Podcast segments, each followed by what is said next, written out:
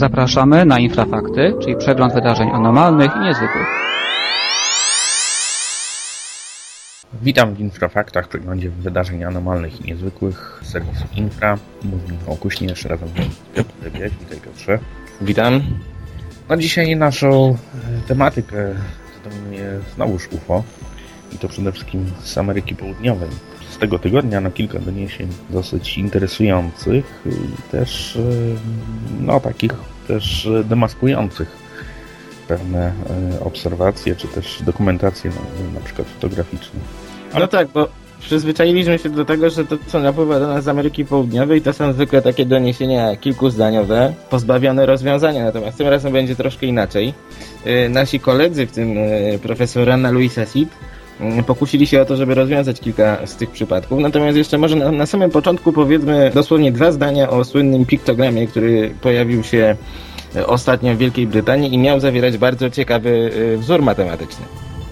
No właśnie, żeśmy zamieścili artykuł na ten temat. Otóż no, badacze, osoby, które się interesują właśnie piktogramami, rozszyfrowali wzór, który się ukazał 9 czerwca w Wiltshire jako takie właśnie odwzorowanie słynnego sformułowania Eulera, które uważane jest za jeden z najpiękniejszych i najbardziej takich doskonałych wzorów matematycznych.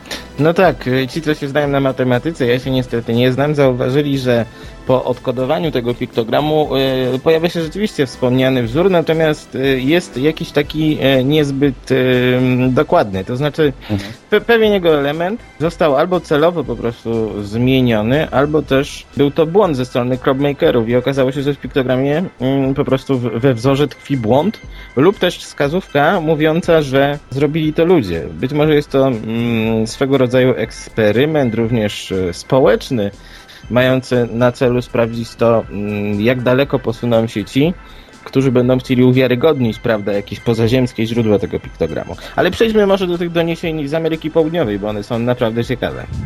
E, tak, no jeśli chodzi o piktogram, to zachęcam do odwiedzenia naszej strony. Tam jest artykuł na ten temat. A już wracając do, do tych najnowszych doniesień o UFO z Ameryki Południowej, było ich kilka, jeśli nie kilkanaście, ale tutaj, tak jak mówiłeś, e, nasi koledzy z krajów Ameryki Południowej szczególnie sobie, e, że tak powiem, wzięli pod lupę na przykład przypadek z Tabasco, z Meksyku, gdzie no, pojawiła się fotografia, która ukazała niezidentyfikowany obiekt latający w pełnej krasie. I od razu pojawiły się wątpliwości. No tak, to zdjęcie przypomina nam taki typowy majerowski dysk. Jeżeli tak, ktoś tak. może wie, co to, kto to jest Majer, to pamięta, że ten pan fotografuje, prawda, obiekty z kosmosu w, w skali, prawda, masowej, hurtowej i ten dysk wygląda podobnie. Natomiast co się okazało, to jest prawda, znaczy to prawdopodobnie, to, to jest mistyfikacja.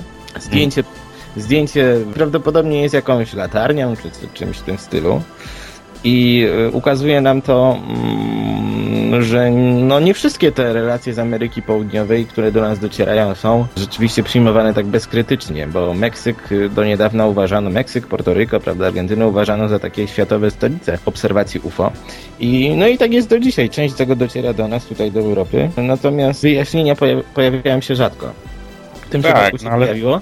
Mhm. No, natomiast każdy, kto zobaczy to zdjęcie, to myślę, że nie musi być ekspertem, prawda, od fotografii, żeby zobaczyć, że y, domniemane UFO jest tak naprawdę latarnią, czy... czy, czy jakąś częścią mechaniczną w każdym razie, czy silnika, czy czegoś. Być może. Zresztą i w Polsce mieliśmy przypadki też takich zdjęć. Tak, ale nie będziemy wymieniać nazwisk i pominiemy to milczeniem. Tak, tak. Ale to wiesz, to chyba też wynika z tego właśnie, od kogo napływają takie doniesienia. Ja mówię tutaj o Ameryce Południowej, bo wiem, tam też y, są y, no, osoby zajmujące się UFO, zjawiskiem UFO w sposób, tak powiem, rzetelny i też takie, które y, robią to bardziej medialnie, znaczy każde doniesienie jest e, swego rodzaju sensacją. Znaczy, ja bym to widział troszkę inaczej. Tutaj niektórzy prezentują nam te raporty w bardzo skróconej formie i po prostu ta, mm, te, te wyjaśnienia są niekiedy e, bardzo mocno wplątane w, w cały opis zdarzenia i my to niestety tak odbieramy. Natomiast rzeczywiście są takie przypadki, że ktoś tam sobie trzepie na tym e, taki czy inny, prawda, taką czy inną pianę. Na przykład tutaj hmm. słynny brazylijski UFO magazyn, który rzeczywiście jest już dnem, jeżeli chodzi o pewne sprawy. Natomiast druga, druga historia, która się wydarzyła, e, pochodzi z Peru? Tak, chodzi też o kolejną właśnie taką analizę pewnych, e, tym razem chodzi o film, który został nakręcony w Peru, w miejscowości Puno. Niedawno, znaczy to były dwa filmy w zasadzie, bo jeden pochodził z 29 maja, drugi bodajże z 5, z 5 lub 6 czerwca. No, autor tego filmu był e, zafascynowany tym, co widział, a mianowicie widział dziwne światło unoszące się nad takim pewnym charakterystycznym wzgórzem właśnie w tym mieście. No i umieścił film e, na e, serwisie YouTube, który później e, bardzo szybko przedostał się zarówno do peruwiańskiej prasy, jak i w ogóle do wszelkich portali zajmujących się zjawiskami niezwykłymi, gdzie zostało oczywiście to światło określone jako UFO.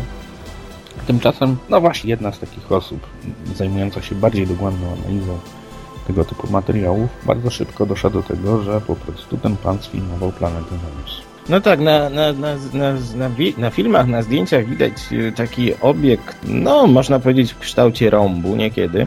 Y, jest to dość powszechne zdjęcie, dość powszechna forma, prawda, UFO. Okazuje się jednak, że mm, przy zastosowaniu mm, dużego zoomu filmowanie takiego słabego źródła światła może nam dać po prostu podobny efekt. I co zauważyła mm, wspomniana już profesor Sid? Wspomniana profesor Sid, chociaż nie wiem, czy ona jest profesorem rzeczywiście, ale tak się tytułuje, zauważyła, że tak naprawdę y, ów pan sfilmował y, planetę Wenus. Prawdopodobnie, najprawdopodobniej, bo jak stwierdziłeś, obserwacja była dokonana dwukrotnie.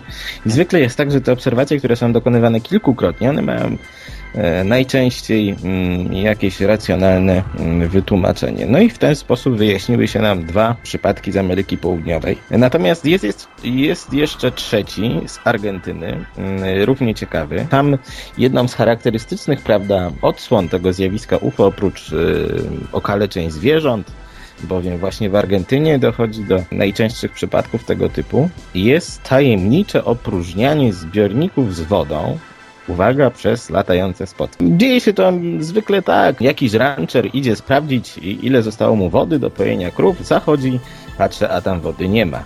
Zwykle towarzyszy temu jakaś obserwacja UFO, prawda? Potem powstaje sensacja i tak dalej. No i potem wiadomość dociera do nas.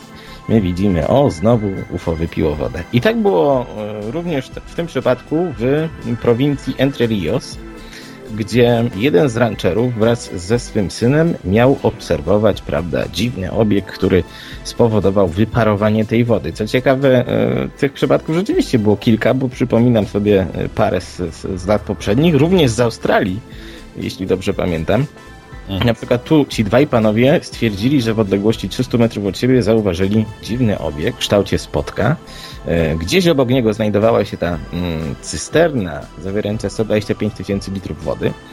E, obiekt był dość spory, tam migotał różnego rodzaju światłami. Ten pan chciał go oczywiście zestrzelić, jak to rancher. Nie udało się, obiekt troszkę tutaj e, powisiał, powisiał, pobrzęczał i, i odleciał. W zasadzie ciekawa sprawa, tym bardziej, że mm, to nie pierwsze tego typu doniesienie. A jeszcze tutaj na chwilę może byśmy się przenieśli do Europy, aby już tak nie pozostawać ciągle w Ameryce Południowej. Mieliśmy doniesienie z Włoch, e, z Rzymu, a w zasadzie z Watykanu, gdzie żołnierze, no, oddelegowani do ochrony rezydencji amerykańskiego ambasadora dostrzegli dziwne właśnie zjawisko świetne nad bazyliką świętego Piotra w Watykanie. Sfilmowali. To bardzo szybko się przedostało e, do, znaczy ten film, e, do włoskiej prasy i oczywiście zrobiło się zamieszanie, szum wokół tego.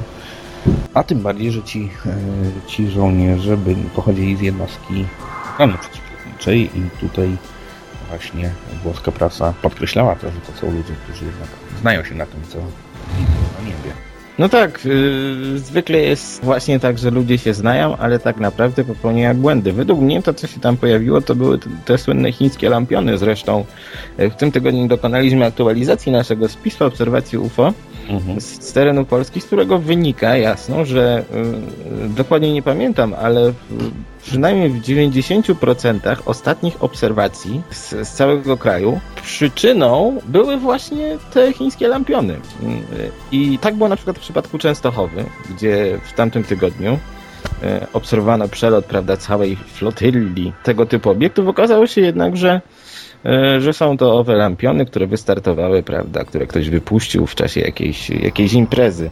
I, I niestety nadal wiele osób o tym donosi. Niektóre twierdzą nawet, że mm, te lampiony wykonują w powietrzu jakieś ewolucje, natomiast y, łatwo poznać, że są to lampiony. One po prostu zwykle płyną w jednym kierunku. E, Często może być tak, że zmieniają tam pozycję w czasie lotu, wszystko zależy od wiatru. Wszystko zależy od tego, ile im zostało paliwa. Paliwa w sensie tej e, płonącej kostki. I od wielu innych czynników. Natomiast te lampiony e, zwykle oprócz tego, że suną sobie w jednym kierunku, również znikają w tajemniczy sposób. Po prostu się wypalają wtedy. Mhm. Tak, faktycznie, e, tak jak mówisz, tym, że właśnie często osoby, które są świadkami tego typu obserwacji, no rzeczywiście są w niezłym szoku, dlatego że widzą niezwykłe zjawisko. To też zależy od, e, często od tego, mm, znaczy jakby od pozycji e, osoby, która obserwuje to, bo właśnie tak jak w przypadku Częstochowy mieliśmy tutaj kilka relacji, które jednocześnie do nas napłynęły. Jedna osoba mówiła o tym, że obiekty były nieruchome, inna mówiła, że się poruszają bardzo mm, niezwykle, szybko. Później jak żeśmy to złożyli całość, to, to się okazało, że po prostu zależało też od y, punktu y, widzenia obserwatora. Po prostu, jeśli ktoś patrzył pod y, jakimś odpowiednim kątem, to te poruszające się, płynące w powietrzu lampiony mogły wydawać się nieruchome, a później nagle y, po zmianie kierunku wiatru mogło się wydawać, że y, niezwykle szybko przyspieszają. Te osoby, które nam donoszą o takich e, obserwacjach i później się dowiadują o tym, że w zasadzie to jest już e, pewne, że to były lampiony, no są bardzo zdziwione tym, e, że, że tak powiem uległy e, pewnej takiej e, iluzji wzrokowej. Dokładnie. Yy, Zdarza się też tak latem, że ludzie po prostu częściej spoglądają w niebo i zaczynają dostrzegać rzeczy z ich perspektywy dziwne, o których, których wcześniej nie dostrzegały. Mm, Tak jest również z lampionami, Mm, chociaż je akurat dość łatwo zauważyć. Natomiast y, myślę, że to jest jeszcze kwestia dość długiego czasu, zanim e, ludzie przestaną uznawać je za coś dziwnego. Em, I tak jak mówię, większość tych raportów, która napłynęła do nas, to były właśnie mm, lampiony. Oczywiście zdarzają się tacy, którzy twierdzą, że wśród tych obserwacji lampionów jest pewna kategoria, której się wytłumaczyć nie da. Natomiast nie jest to według mnie prawda. Nie twórzmy jakichś sztucznych podziałów lampionów na te bardziej ufowate i te mniej ufowate, tylko po prostu podejdźmy do tej sprawy tak, jak jest. Mhm. Zdajmy sobie Tak, sprawę. ale, ale z drugiej strony też było kilka relacji ciekawszych od tych lampionów, i które umieściliśmy również e, w, w tym naszym zestawieniu. Także zachęcam Państwa do zajrzenia i zapoznania się z tym. Część relacji przedstawiamy bardziej szczegółowo na naszym forum i w ogóle wszystkie te przypadki, o których dzisiaj mówiliśmy, włącznie z fotografiami i filmami są umieszczone na naszym forum Infra. Także, Dokładnie tak. także dziękuję Ci Piotrze e, bardzo. E, Zapraszam za tydzień. Mam nadzieję, że nie będziemy już mówić tylko UFO, a może poruszymy jakieś inne tematy. No ja również mam taką nadzieję. Zapraszam wszystkich jeszcze raz na forum, na naszą stronę. Pojawiły się nowe artykuły. To dziękuję i do usłyszenia za tydzień. Podczas audycji wykorzystano utwór CJ Rogersa pod tytułem Back to You na licencji Creative Commons, realizacja Grupa Infra dla Radia Wolne Media.